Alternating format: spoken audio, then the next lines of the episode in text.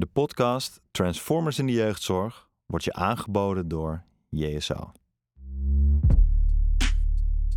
Mijn hele professionele leven werk ik voor en met jongeren in de jeugdzorg. Nog nooit veranderde er zoveel in de jeugdzorg als nu. De jongeren staan aan de frontlinie van die verandering. Te vaak nog omdat ze de rekening betalen voor wat er niet goed gaat, maar ook omdat zij zelf vormgeven aan de jeugdzorg van de toekomst. In deze podcast ga ik op zoek naar de Transformers. Jongeren die de jeugdzorg zelf hebben ervaren en met hun ervaringen een fundamentele verandering teweeg willen brengen. Mijn naam is Wiebe van Stenis en vandaag is deel 2 van de podcast met Moraya de Haan.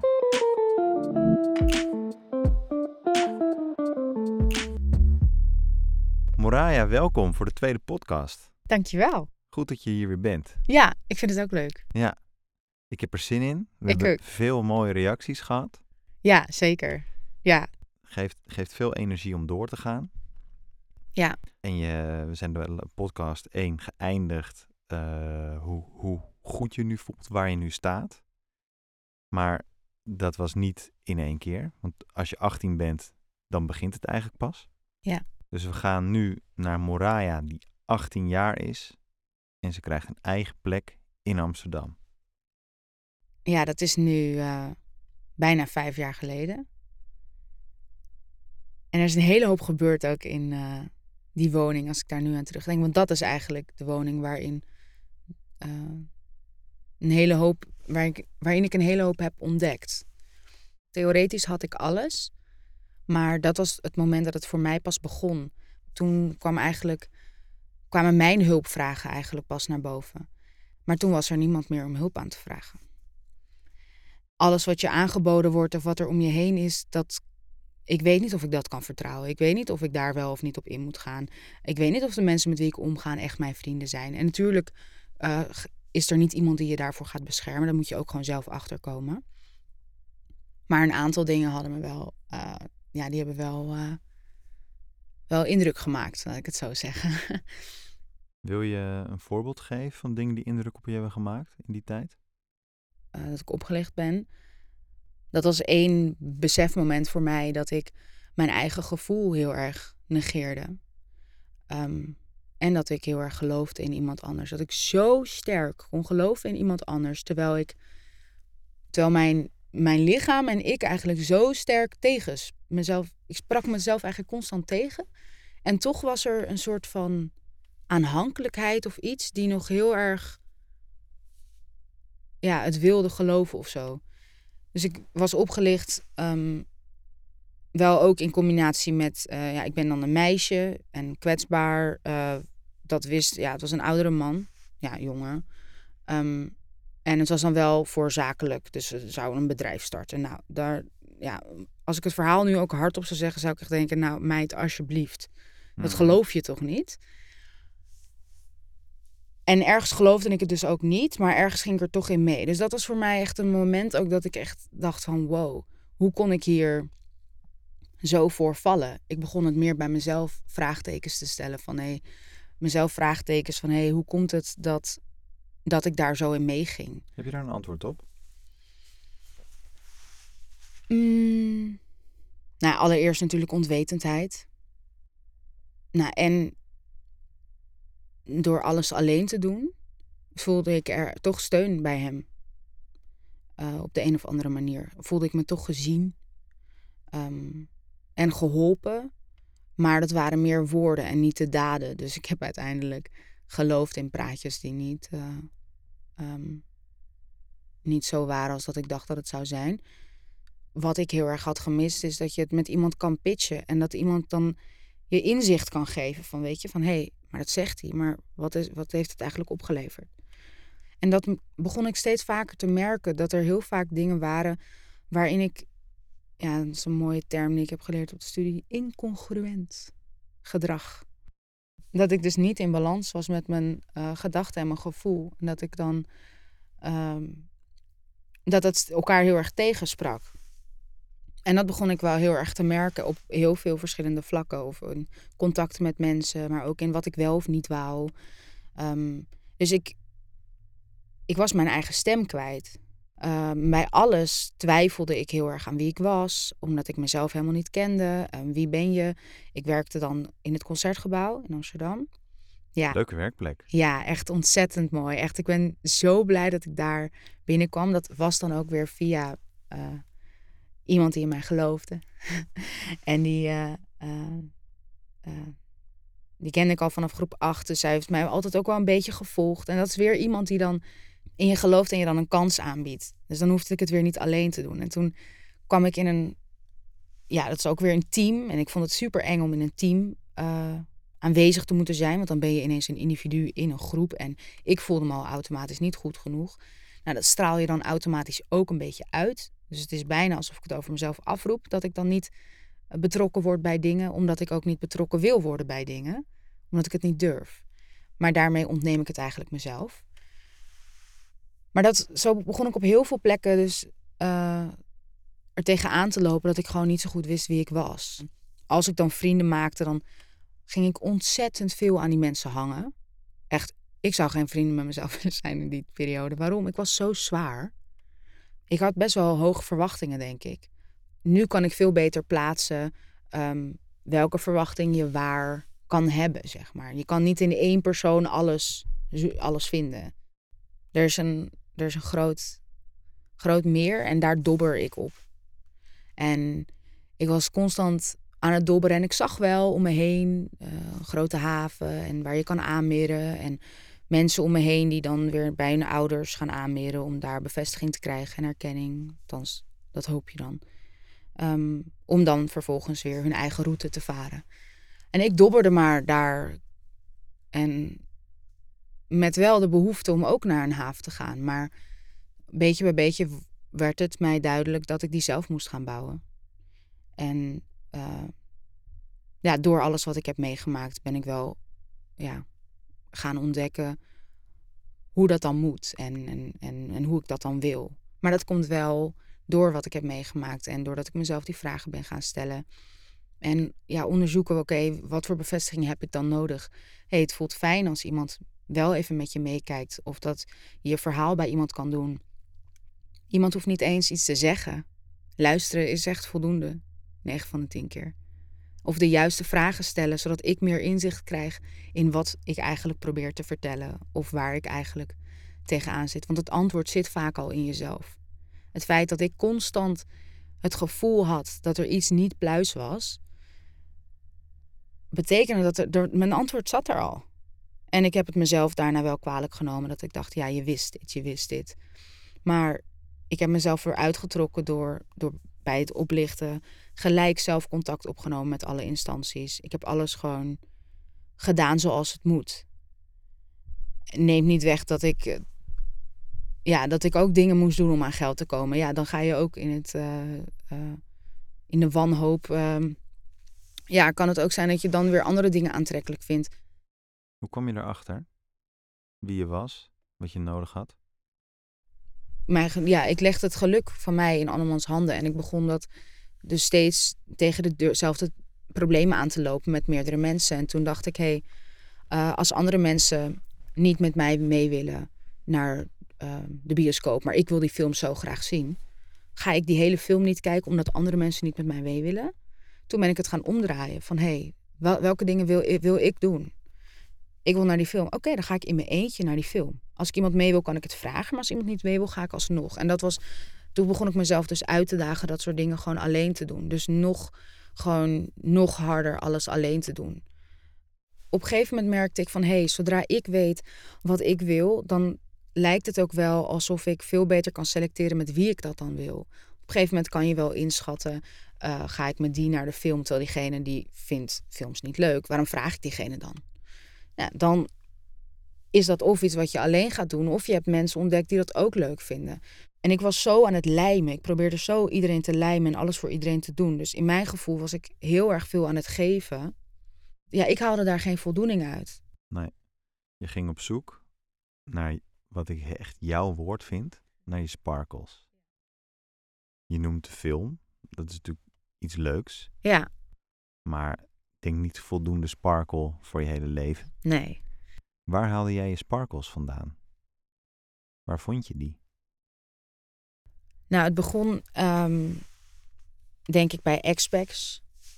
Toen ik, uh, toen was ik 19.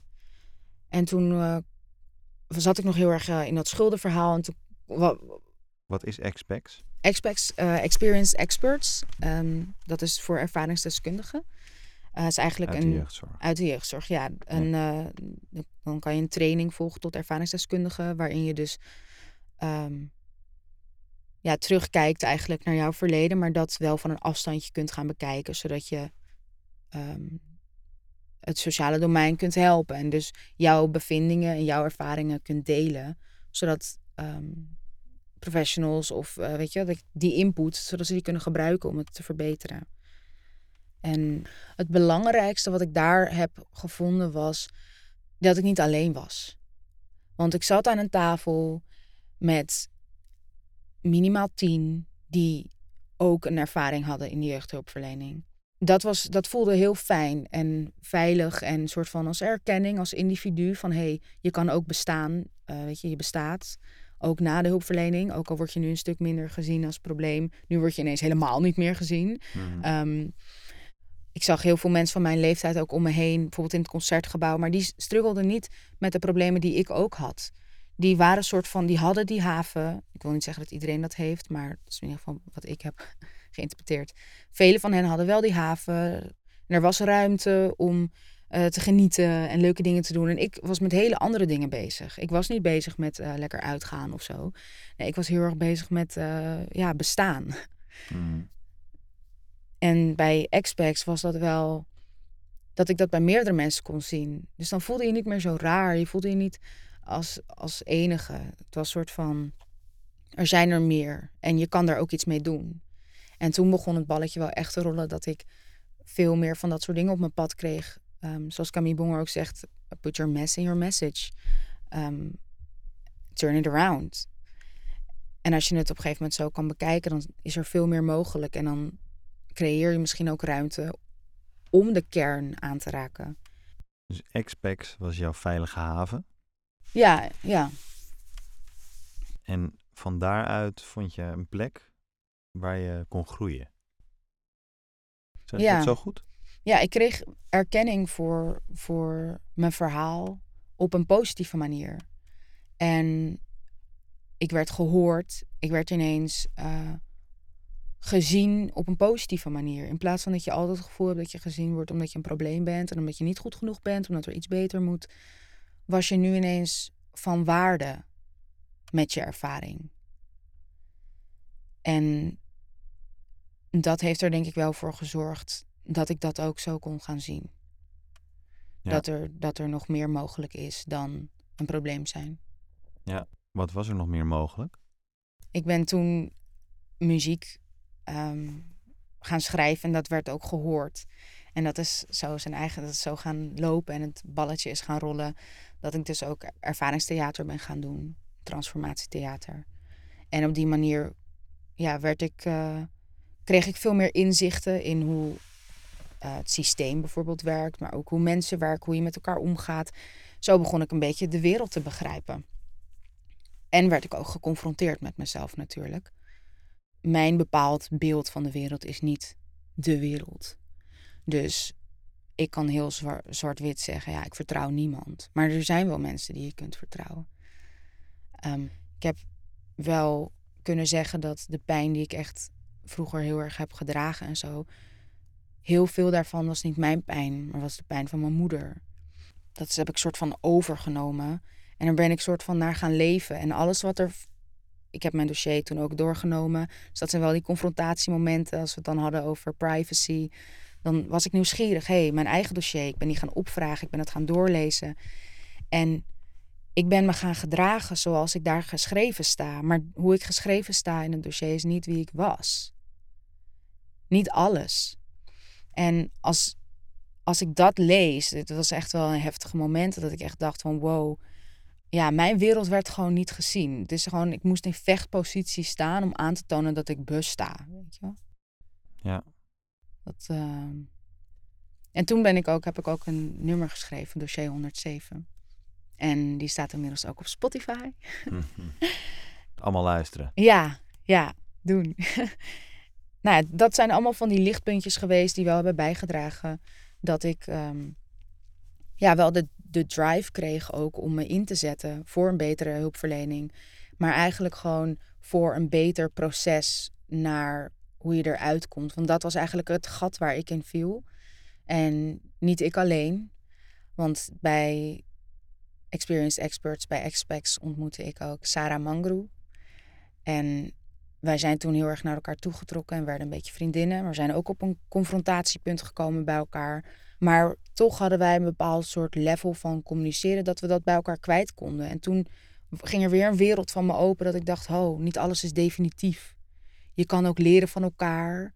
Je kan leren van elkaars verhalen. Je kan met elkaar communiceren. Communiceren is zoveel meer. Daar hoef je eigenlijk niet bang voor te zijn. Je mag er zijn. Nou, al dat soort, soort nieuwe betekenis aan dingen die kunnen gebeuren. Dat het niet altijd zo donker, zwart en negatief hoeft te zijn. En, je noemt Sarah. Ja. Dat doe je niet voor niks. Nee. Is er iets ontstaan uit het contact uh, met Sarah? Ja, we hebben toen uh, uh, waren we dus vriendinnen. En toen zijn we eigenlijk na Expex allebei een eigen kant op gegaan. Ik denk dat dat voor ons allebei dus um, echt wel de start is geweest om aan onszelf te werken en open te stellen. Um, om naar, dichter naar de kern toe te gaan en onze kleine ik te omarmen, zeg maar.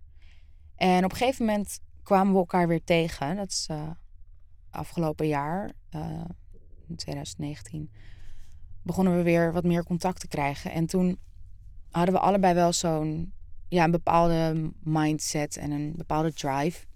Sarah is uh, echt een kei in boeken lezen. En het was altijd iets dat ik dacht, wauw, wat goed en zo. Dat wil ik ook. En, uh, heeft rechten gestudeerd. Ja, ze heeft rechten gestudeerd. En uh,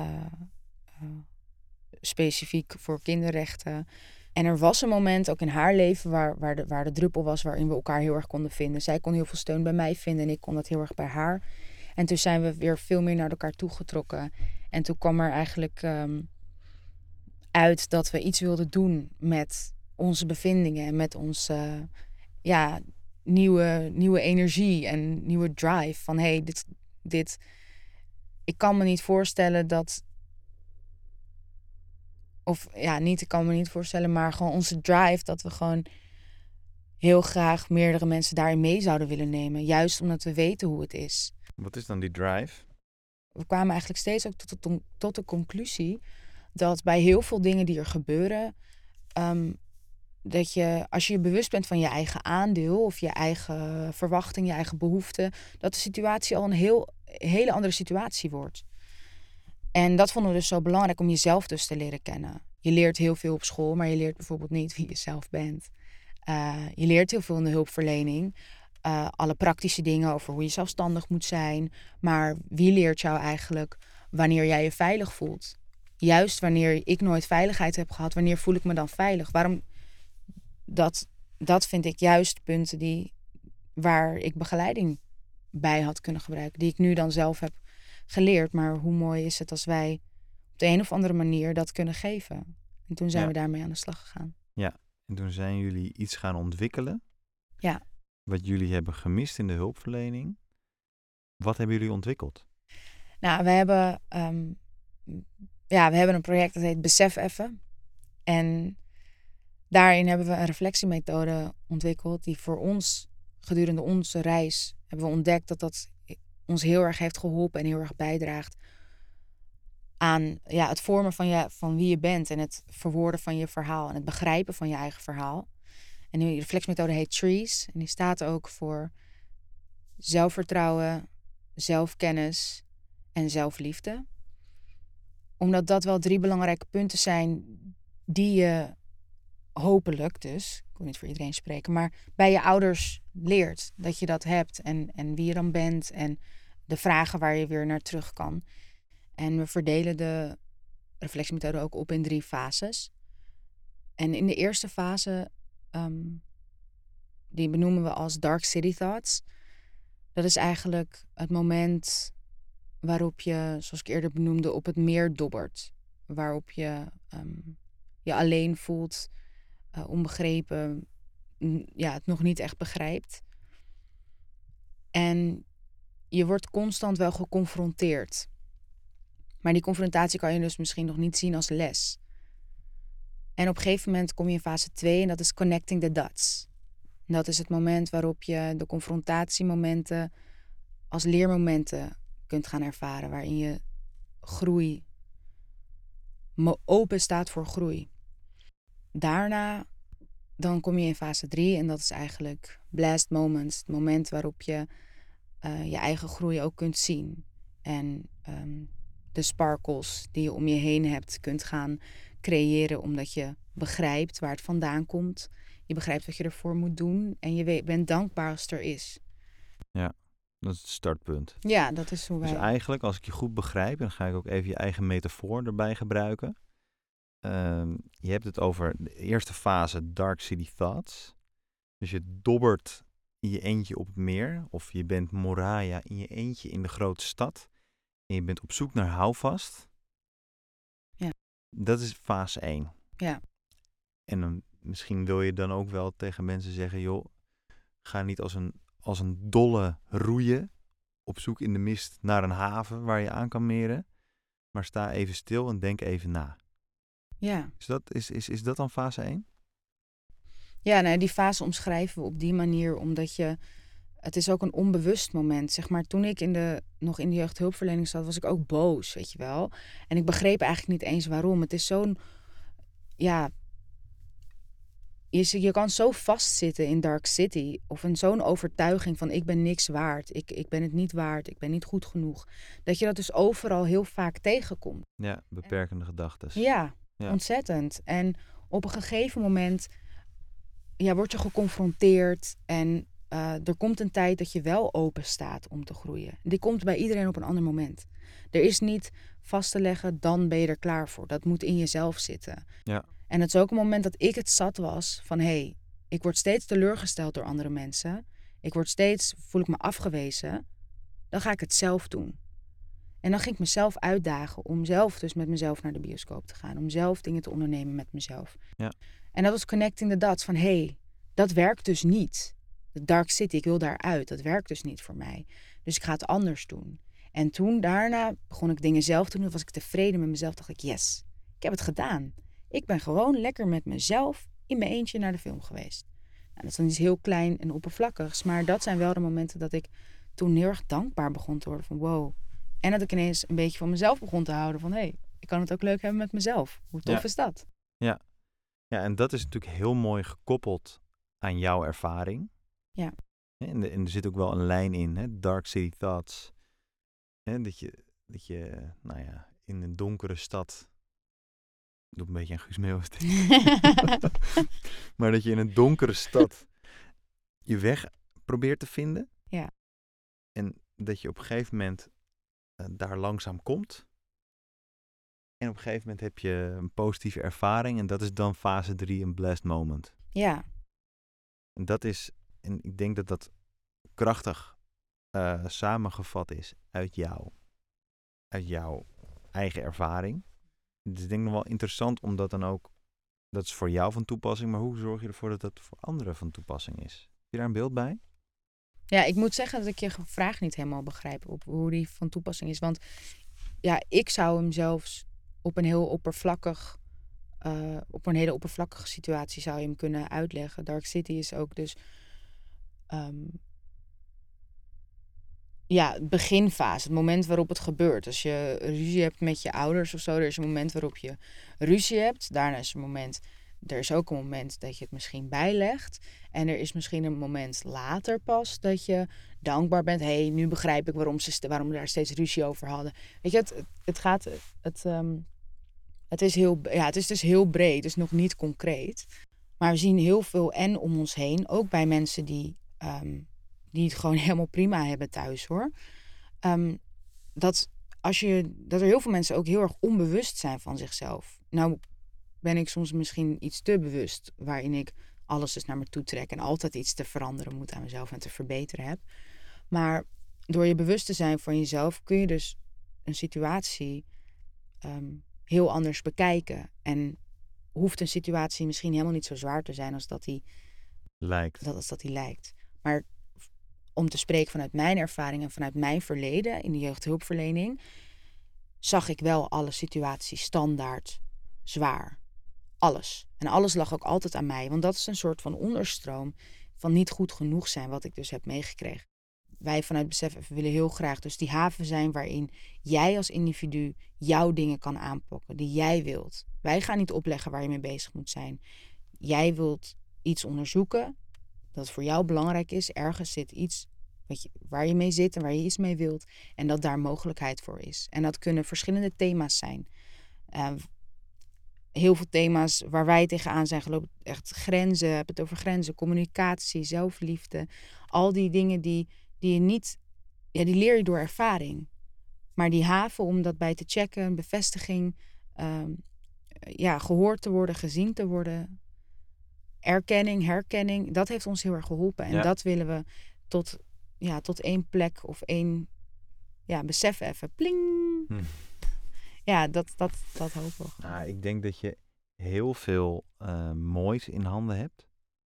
Je noemt een aantal termen die heel universeel zijn. En ik denk dat je een hele goede start hebt daarin. En dat we daarin naar een weg moeten vinden om dat verder te ontwikkelen. Ja. Zodat dat ook echt vorm kan krijgen. Ja, nou, daar staan we echt heel erg voor open. Want het is ook voor ons nog zoeken van ja, eh, we spreken niet alleen uit onze eigen ervaring. We hebben natuurlijk heel veel andere jongeren ook mee samengewerkt. En die hebben we dit al laten zien. En die zitten allemaal van ja, goed. En, uh, en het spreekt soms ook hele veel oudere mensen aan. Ja. Deze manier van denken. Die vinden, spreken dan van, oh, wat een wijsheid. En, en, wij zien het alleen als van, ja, we need this. Wij hebben dit zelf heel erg nodig. En we gunnen het ook gewoon uh, andere jongeren om daarbij stil te staan. Het hoeft niet allemaal zo hard en zo negatief. En zo, zoals ik ook was. Ik was ook zo. Maar dit is zoveel fijner als je de mogelijkheid hebt om dit ook te zien. Ja. Moet er wel iemand zijn die het kan laten zien. Ja. Ja. En van, zoals wij zeggen, um, we hebben een besef even line en dat is besef even. Het is er al, je moet het alleen nog ontdekken en dat doen we samen. Ja, het klinkt prachtig. Heb je het gevoel dat organisaties uh, openstaan voor jouw ideeën? Dat, dat je gezien wordt, dat ze, dat ze jullie zien staan? Nou, enerzijds denk ik wel dat er, ja, denk ik van wel. En ik denk ook wel dat er behoefte aan is. Alleen aan de andere kant, ja, heb ik altijd het idee dat, dat vanuit besef even wordt het wel redelijk um, laagdrempelig verwoord. Waar ik juist zo ontzettend behoefte aan had. Maar ik, ik heb nog niet ja, het idee dat dat, dat helemaal overkomt. Van hey, um, ja. Mag ik het zo zien dat uh, organisaties graag ervaringsdeskundigen willen betrekken? Ja. Maar nog niet goed weten hoe? Ja, dat denk ik. En um, het woordje ervaringsdeskundige is veel meer dan alleen aangeven dat je, dat je gebruik maakt van ervaringsdeskundige. Want ik zie nu dat de titel ervaringsdeskundige heel gewild is om uh, bijvoorbeeld bij uh, werkconferenties, ja, er komt een ervaringsdeskundige. Heel gewild, want dat straalt uit alsof er gedacht wordt aan, mm -hmm. de, uh, aan, aan de jongeren, zeg maar. Um, maar ik denk dat er veel meer uit ervaringsdeskundigen gehaald kan worden dan dat er op dat moment aandacht voor is, zeg maar. Dus ik snap dat er voor beide partijen. Het woord ervaringsdeskundige begon, begon op een gegeven moment een beetje. begon ik een beetje anders te zien. En terug naar de vraag die ik je stelde. Is een gesloten vraag. Heb je het gevoel dat je voldoende gezien wordt door organisaties? Nog niet. Persoonlijk, als je het mij vraagt, dan roept het in me op dat dat ik het gevoel heb dat ik niet van genoeg professionele kennis beschik om mij serieus te nemen, zeg maar. Dat, dat gevoel roept het nu in mij op. Van dat zou misschien een reden zijn dat je niet ons concept serieus zou nemen, omdat het. Dat zij dat vinden of dat jij dat vindt? Nou, dat, dat zou ik dus bedenken dat iemand anders dat zou kunnen vinden. Ja, ja precies.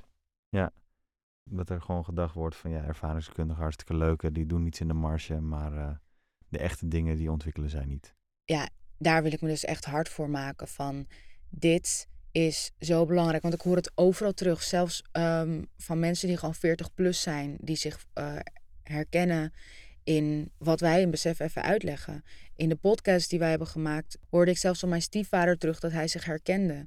Uh, van een collega bij Spirit gaf hij terug aan de vorige podcast dat hij zich herkende. En toen dacht ik, waarom is er zoveel, zeg maar, herkenningen? Waarom voelen ze, mensen zich soort van gehoord in een verhaal van een ander, maar is daar toch nog zo weinig aandacht voor? Ja, bijna missie. En ja, dat is het wel, ja. Ja. En ik heb daar, ik probeer wel op verschillende manieren te netwerken door ervaringsdeskundig werk te blijven doen, door nummers te blijven schrijven. Mijn transformatietheater is ook op werkconferenties, dus ik ontmoet wel verschillende mensen, maar ik vind het nog echt wel heel moeilijk om uh, ja, dat netwerk in beweging te krijgen of om mijn product, dus ons besef even product. Uh, ja, om gehoord te worden. Ja, om gehoord te worden en serieus genomen te worden van hey, um, I've been there ik weet het. Ja, hoe nu? Weet je, hoe, hoe kan je in het systeem serieus genomen worden, ook als je misschien niet uh, ja, je theorie uit een, uit een boek hebt, maar uit de praktijk? Ja, ik uh, denk dat je het heel treffend zegt. Het is eigenlijk, uh, ja, ik zeg het wel eens vaker, maar het is eigenlijk heel gek dat, dat de boeken uh, in de wetenschap over de praktijkervaring gaat. Ja. En ik kan wel beredeneren waarom het zo is, maar helemaal snappen doe ik het niet. Kijk, de redenatie van de wetenschap is natuurlijk van ja, iets moet op verschillende plekken bewezen zijn voordat je, hè, voordat je het als waarheid aan mag nemen. En, um, maar ja, dan heb je soms ook dat, uh, dat je een product ontwikkelt voor de gemiddelde ja. jongeren. Ja, wauw. En er bestaat geen gemiddelde jongere. Nee. We willen zo graag gezien worden als individu. Ja. En um, ja, en, en daarin het, het, het, ja, die dynamiek, dat het niet uit de praktijk gehaald wordt, dat is iets heel geks. En ik vind ook, ik vind ook oprecht dat, uh, dat jullie gehoord mogen worden. En dat het niet gelijk als zoete, koek, als zoete koek aangenomen wordt of gegeten wordt, of hoe je het ook zegt. Dat, dat is, dat is een tweede. Maar dat jullie op een serieuze manier gehoord worden. In dit geval Sarah en jij, maar zo zijn er nog anderen met jou. Dat, dat is heel gek. En dat is, uh, dat is wat mij betreft niet uit te leggen. Tegelijkertijd zie ik ook de moeilijkheid om wat jullie willen op de juiste manier in te bedden in wat er nu al is.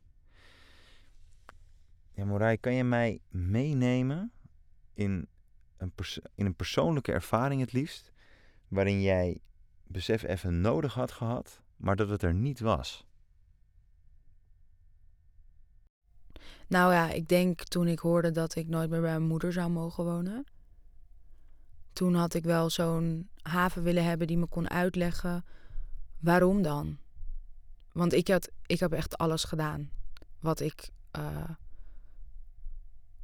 ik heb echt gewoon vanaf mijn elfde altijd gedacht: ja, als ik het goed doe, dan,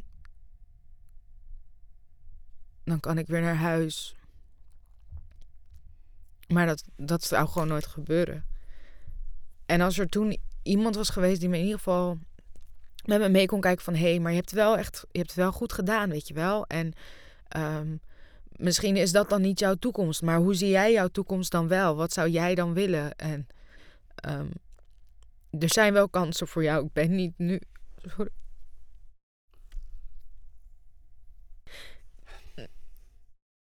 Ik denk niet dat ik alleen voor mezelf spreek. Moeten wij niet als jeugdzorg heel erg waken dat wij niet die Dark City zijn? Ik, ja. Ja, als ik denk aan de pijnlijkste dingen die me zijn overkomen, dan dan denk ik wel aan die periode. Niet eens de pijn die mijn moeder me heeft gegeven, zeg maar. En dat was de reden dat ik niet meer thuis kon zijn. Dus. En ook mijn moeder, haar pijn, zeg maar, die onderzoek ik nu ook. Omdat ik ook empathie voor haar heb. En haar niet iets kwalijk. Ik wil niemand iets kwalijk nemen. Ik wil het gewoon heel graag begrijpen. En, en vooral nu mijn kleine ik zo blij mogelijk maken dat kan. Dat ik zelf kan. Dat ik niet meer afhankelijk ben van iemand anders. Maar daarvoor moet ik wel nog een hele hoop extra opbouwen. Ehm, en dat zijn hele kleine dingen. Hoe communiceer je netjes als je iets niet wil? Want ik mag ook nee zeggen. Maar dat wist ik niet. Zeg maar, dat gevoel. Misschien weet je wel dat je nee mag zeggen, maar hoe je dat zegt, ik krijg het niet eens over mijn strot. Ik, ik zal je echt, ik, ja, er zijn genoeg momenten gezegd, uh, geweest waarop ik een nee had willen verkopen, maar dat het wel, het is gewoon alsof iemand mijn keel dichtknijpt. En ik, het is echt zo. Omdat ik het niet ken, omdat ik het niet weet, omdat ik bang ben dat ik zou het echt niet weten. Maar dat, is dus zo, dat zit dus zo diep. En als je dat niet onderzoekt, dan handel je daar later ook naar. mijn moeder zit zo ontzettend vast. En nu pas zegt ze: Morai, ik snap wat je bedoelt. Dus dan is, op, een, op een mooie dag krijg ik ineens: Dankjewel, lieverd. Nou, dan ben ik echt blij. Dan denk ik: Oh, ze vindt mij lieverd. En het is niet dat zij mij geen, nooit een lieverd vond, maar misschien wist zij niet hoe ze tegen mij moest zeggen dat ze mij een lieverd vond. Of hoeveel lieverd betekent voor mij. Als zij alleen al lieverd zegt, het zit in zulke kleine dingen en soms zoeken we zo ontzettend ver. Ja. Ja, ik denk dat je hier iets aanstipt waar we over door moeten praten. Ik denk dat het voor nu goed is om hem hier te stoppen. En dat we in de volgende podcast een jeugdzorgbestuurder aan tafel zetten. Met ons drieën. Om hierover door te praten, want dit is de kern. Wat moet ik haar vragen? Of ze het gesprek wil aangaan. Dit was de tweede podcast uit de serie met Moraya. In de volgende podcast gaan Moraya en ik in gesprek met een bestuurder in de jeugdzorg om haar initiatief verder vorm te geven. Besef Even is terug te vinden op www.besef-ff.nl. Volg Transformers in de jeugdzorg op de bekende podcastkanalen.